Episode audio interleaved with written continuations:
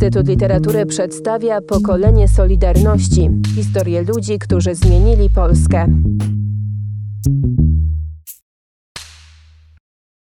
To jest Krzyż Wolności i Solidarności. To już mi nadał Jego Ekscelencja, pan prezydent Andrzej Duda. To jest Złoty Krzyż Zasługi i tutaj miał być krzyż kawalerski.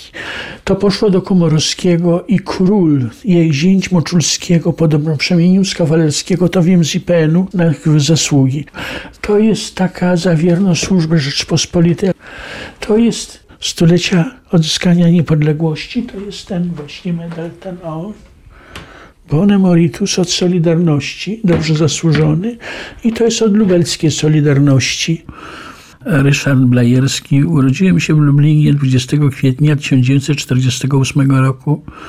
Miałem dwóch braci i siostrę starszą, która urodziła się w Izbicy, prawdopodobnie w obozie. Rodzina była poraniona tą wojną. Urodziłem się w domu dziadków na Kuśminku na ulicy Bukowej. Ochrzcili mnie w kościele świętego Michała na Bronowicach. To miałem chyba trzy lata troszkę. I pamiętam tylko z tego pobytu jęki, kiedy później wiadomo było, kiedy już byłem dorosły, kiedy już poznałem swojego dziadka kiedy już wiedziałem, że brat mojego ojca umarł, ponieważ był w Junakach, wzięli go do Junaków, kazali skakać do wody w styczniu do rzeki czy do czegoś i wrócili go do domu, kiedy był już bardzo chory. No i zaraz w kwietniu umarł na gruźlicę. Nie doczekawszy lekarstwa, które wysłała siostra dziadka z, z Kanady. A dziadek mój, jak wrócili z Rosji, to wzięli w dzierżawy od feterów folwark Krępiec i tutaj nastawili się na sprzedaż i hodowlę świń. Jak mówiła babcia, kiedy już byłem, później miała 40 dziewczyn czeladzi, już tak dobrze stali, a te świnie miały być dla wojska i ktoś podrzucił pomór i zbankrutowali. I stąd poszli dopiero do Zofijówki, tam gdzie był pradziadek, ale stąd szybko do Michalewskiego na rury. Dziadek został tutaj na rurach u Wojciecha Michalewskiego jeździć taką dorożką woził starszego pana Michalewskiego. A pan Wojciech Michalewski, syn, zaprzyjaźnił się z mojej babci najmłodszym bratem i woził go wtedy automobilem. I tak to dotrwało do wojny. Po wojnie dziadek zaczął pracować w cukrowni. Wcześniej w 1951 roku, to, to są już opowieści wszystko, w 1951 roku a podobno samochód przejechał pana Wojciecha Michalewskiego, dziedzica, a dziadek poszedł, właśnie mój dziadek poszedł na pocztę po odbiór paczki z Kanady, tam miał być pęcelina. To był styczeń 1952 roku i tam z tego poczty od razu dziadka zabrali a na cichą. Na cichej był taki katownia ubecka. Ale myśmy o tym nie wiedzieli.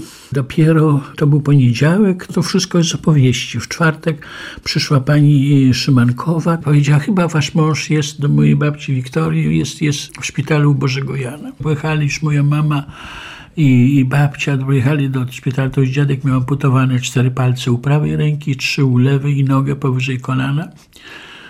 I był tak strasznie spuchnięty, że prawie można go było rozpoznać. I tutaj też taka nie wiadomo, bo jedni mówią, że był wrzucony do Przerębli, bo to styczeń, w Chrzczonowie. Drudzy mówią, że tutaj na Czechowie były też stawy, to taki jeden mój wujek, kiedyś się go pytał, że to na Czechowie były takie stawy i wrzucili go w te stawy i psy zaczęły szczekać, bo tam była noc. Przytomniał z tego, wyczołgał się z tej, tej przerębli, ale to wszystko szumarstwo trzeba było putować, ale palce i noga. No i jeszcze żył 12 lat, nie odzyskał nigdy kim jest. Całkowita amnezja, babcia się z nim cały czas męczyła. Nawet nas nie poznawał. Do 64 roku drugi dziadek, to był na pewno waka i był na zamku. Jak on się z tego zamku wydostał, też tam mówią, w każdym razie rzucił babkę, mamy e, matkę i uciekł do Gdańska. Tam jedni mówią, że z misją jakąś tam pojechała koską, drudzy, że był kochanki go otruła. To są takie właśnie te czasy, o których albo ludzie chcą, żeby wierzyć w to, co nie było prawdą, albo to było prawdą. No to są te straszne czasy. Ja ich pamiętam. Potem od babci, która zawsze mówiła, nie, tylko się nie wychylajcie, bo was zamordują. Tylko się był jedyny wielki strach. Cały czas panował strach. Żeby nic nie mówić, nikomu nie wierzyć, to takie, takie od dziecka to było, tak we mnie to. A ja byłem takim chłopcem bardzo ciekawym powiedzieć. I właściwie już pamiętam 53 rok, kiedy już przeprowadziliśmy się na Skłodowską. Dostaliśmy mieszkanie w jakiś sposób, a mama miała koleżankę, panią Ungerową. Pani Ungerowa była żoną przewodniczącego Wojewódzkiej Rady Narodowej. No, wysokiego dygnitarza. I dostaliśmy mieszkanie na Skłodowskiej, na parterze, ale po jakimś czasie szybko nas wyrzucili do suteryny. Była to taka kamienica, Dziś już takich pewnie nie ma. Więc na samej suterynie mieszkała Gruzinka, pani Moczarska. I jej mąż był kolejarzem, jej zięć, pan doktor Kostko, Wacji Wołodkowsko, tu na, był bardzo długo potem tu lekarzem na przychodni na e, Welendroda i u szpitalem u Dzieciątka Jezus. Nawet mi rękę składał, jak złamałem. I była Gruzinka, no i myśmy tam mieszkali, też w tej suterynie w jednym pokoju, w sześć osób. Na parterze były kraty i za te kraty wyżej już nie można było chodzić nikomu, bo byli stali partierzy, którzy byli albo w komitecie, albo tu mieli wartę w taką służbę. Więc po prawej stronie mieszkało w po dwóch pokojach z kuchnią mieszkali ostroscy. Mama była pracownicą Komitetu Wojewódzkiego, podobno jakimś tam jakiegoś sekretarza, sekretarką. Jej synowie Andrzej i Janusz tam jeszcze i babcia z nimi mieszkała, a ojca zabili partyzanci, bo był ubekiem. I na środku mieszkał taki pan, były BH. Ja był też y, portierem równocześnie, co wpuszczał na górze i pan Beć, który był też portierem i pan Mikuła, który był też portierem. No oni się zmieniali we trzech, żeby tam na górę nikt nie wchodził. Na pierwszym piętrze mieszkał pan Kołtun. On potem zmienił nazwisko, ale że ich dzieci lubiłem, to nie będę mówił tego jak zmienianego. Na środku był mieszkał pan Kubala, był dyrektor wodociągów, miał córkę Stefcie i Włodka. Stefka była kujawska, a Włodek był już Kubala. Po drugiej stronie jeszcze mieszkał Szymek Unger, mój najlepszy kolega i Adelka, czyli siostra jego. Oni są oboje w tej chwili profesorami na Uniwersytecie w Montrealu. Na górze mieszkał pan Denysiuk, to był bardzo, na drugim piętrze, który był bardzo, bardzo już mocny partyjnie, Denysiuk. A w środku mieszkali Mara, Wiera i Zoja, Wokulczuki. Dwie bliźniaczki, Zoja starsza, tańczyła u kaniorowych. One były bardzo fajne, te bliźniaczki. Mama nie mówiła jeszcze e, po polsku dobrze, a ojciec to w ogóle nie mówił, ale, ale to była taka, powiedzmy, bardzo dobra kobieta, taka prosta baba ze wsi. I dyrektor domu książku Wójcik. Tam było pięcioro dzieci u tego Wójcika. On, ta pani Wójcikowa nigdy nie wychodziła na dwór, bo ona była jakaś chora. A z dziećmi się zawsześmy bawili. No i na górze pan Kopczyński, też jakiś tam dyrektor i pani wicekurator Cimek. Tam na samej górze mieszkali jeszcze też prawdopodobnie albo niemieccy Żydzi, albo Żydzi, to byli Lejmani jeszcze też tam. Tam mieszkaliśmy do 63 roku, tuśmy się przeprowadzili. Po drugiej stronie, bo Skłodowska to była kociołby, a Lipowa to była taka żużlówka, przy której rosły te krzaki derenia białego, takie gulki białe i był jeden budynek duży. W tym budynku były trzy szkoły. Na Lipowej, Liceum Ogólnokształcące numer 5, to w tym budynku były trzy szkoły. W tej kamienicy zaczęliśmy chodzić do przedszkola z młodszym bratem. Ja miał trzy lata, a ja już miałem prawie pięć. Półtora różnicy, także to właściwie to ja go ubierałem, może nie miałem jeszcze pięciu.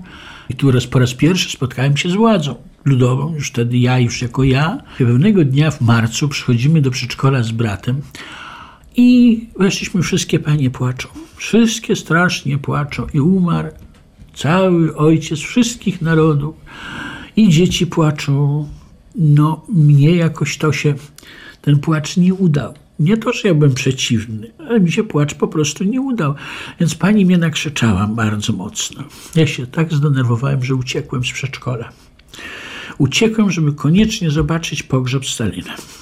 No i biegnę przez krakowskie, jak jeszcze była taka kostka. Świat mój się kończył oczywiście na Placu Litewskim, w tym czasie Placu Stalina.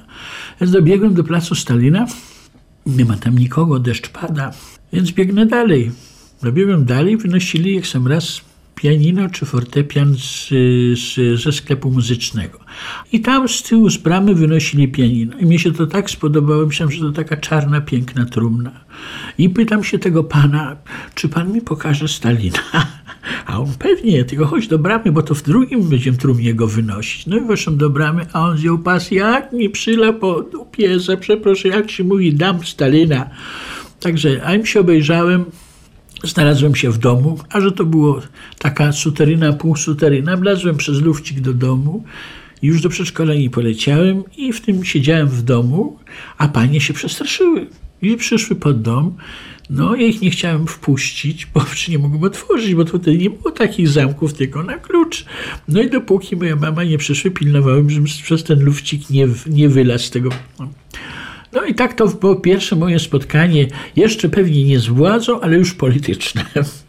Następnym takim, takim moim takim wspomnieniem z tamtych czasów, oczywiście w przedszkolu, e, w tamtych czasach to było specjalne rytuały. Więc przychodziły dzieci do, do przedszkola, już wtedy śpiewały, że tam coś, e, świty się bielą, coś takiego uczone były. No i był ten kołchoźnik się, bo to były tylko kołchoźniki. Więc były kołchoźniki, w których nie było radia, tylko kołchoźnik. I ten kołchoźnik, przy tym kołchoźniku się dzieci bawiły. Była specjalna, cała audycja była w tym kołchoźniku. Oczywiście wszystko zależało od pozycji tatusia. Jeżeli tatuś kimś był najwyższym, czy sekretarzem, czy prezesem, czy dyrektorem, no to to dziecko właściwie było czerwoną różyczką, no mogło być też i starym niedźwiedziem, i być berkiem, a inne dzieci chodziły i śpiewały, stoi różyczka w czerwonym wieńcu, no wiadomo, różyczka wybierała drugą różyczkę, którą wiadomo, że wybierze, a druga wybierała trzecią i tak może do dziesięciu, od dziesięciu znów z powrotem, to w to samo. No i oczywiście protestowałem, ale przez to nie, nie lubiły mnie panie, pani, pani dyrektor jak wyszliśmy na podwórko i graliśmy w państwa, kto rzuca państwo, no to tak, ostroscy wiadomo, że byli Związek Radziecki. Szymek Ungar był Chiny na wszelki wypadek. Andrzej Dynysiuk raz był Kanadą, a raz był Czechosłowacją. W zależności jak było. Mnie przypadało zawsze Polska. Nie mogłem być żołnierzem, w żadnym wypadku żołnierzem Armii Radzieckiej, chociaż wszyscy chcieli być. No to zacząłem chodzić do szkoły podstawowej numer 8. Szkoła podstawowa numer 8 to były trzy szkoły. Była jedynka TPD pani Jaroszowej i tam chodzili wszyscy, którzy nie wierzyli w Pana Boga i którzy byli, ich tatusie byli działaczami PZPR-u lub byli no tam dużo chodziło o e, dzieci żydowskich, bo, bo wtedy jeszcze sporo było Żydów ile prominentów. To była TPD 1. Trzecie i czwarte piętro była szkoła numer 9, podstawa numer 9, gdzie też chodzili dzieci prominenckie, ale takie, które jakby to powiedzieć, którzy potajemnie pewnie chodzili do kościoła, czy, czy nie, nie lubili Żydów. Natomiast wszystkie dzieci, jakby na to nie patrzeć, to też się spotykały na tym jednym placu, bo ten był tylko jeden plac. No i właściwie zawody sportowe graliśmy tylko cały czas tą piłkę nożną na tym placu, albo w banie, albo w soka, albo w kiczkę, to takie były gry.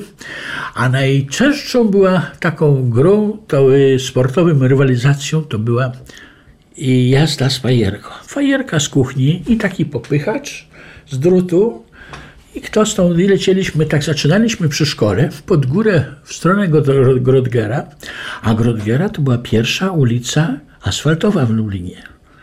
A ją tak robili tacy ludzie na kolanach, takimi, y, takimi drewnianymi, tymi rozsuwali ten asfalt, ale to już była pierwsza szkoła, do, prowadziła do komitetu. I chodziłem do szkoły numer 8. No oczywiście pan Kowalski Kulawy też był jakimś takim dyrektor szkoły to był też jakimś takim e, zbowidowcem, tak powiedzmy. Polonisko była pani Jarzębowska, która mnie bardzo lubiła. I jeszcze była druga pani. Od niej dostałem w trzeciej klasie szkoły podstawowej dostałem trylogię Sienkiewicza. Z tym, że ta trylogia to jeszcze było i, i e pisane przez Y, taki bardzo stara książka. Książki zacząłem to od potopu. Utopiłem się w potopie w trzeciej klasie już. Potopie. No oczywiście potem czytam, czytam pana Włodyskiego, a na końcu Ogniem i Mieczem. Także tu to, co kochałem, czytać. Takie książki pierwsze, które pamiętam, które zawsze mówię moim synom, nie, oni zaczną od tych książek, czyli od Meliklesa Greka, od Diossosa, od mity Greków i Rzymian, mity, od mitologii Parandowskiego, Orzeszkowej, takie, które jak gdyby kształtują człowieka, zaczynają kształtować.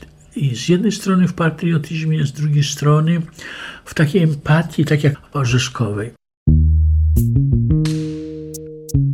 Pokolenie Solidarności. Cykl podcastów przygotowanych przez Instytut Literatury w Krakowie.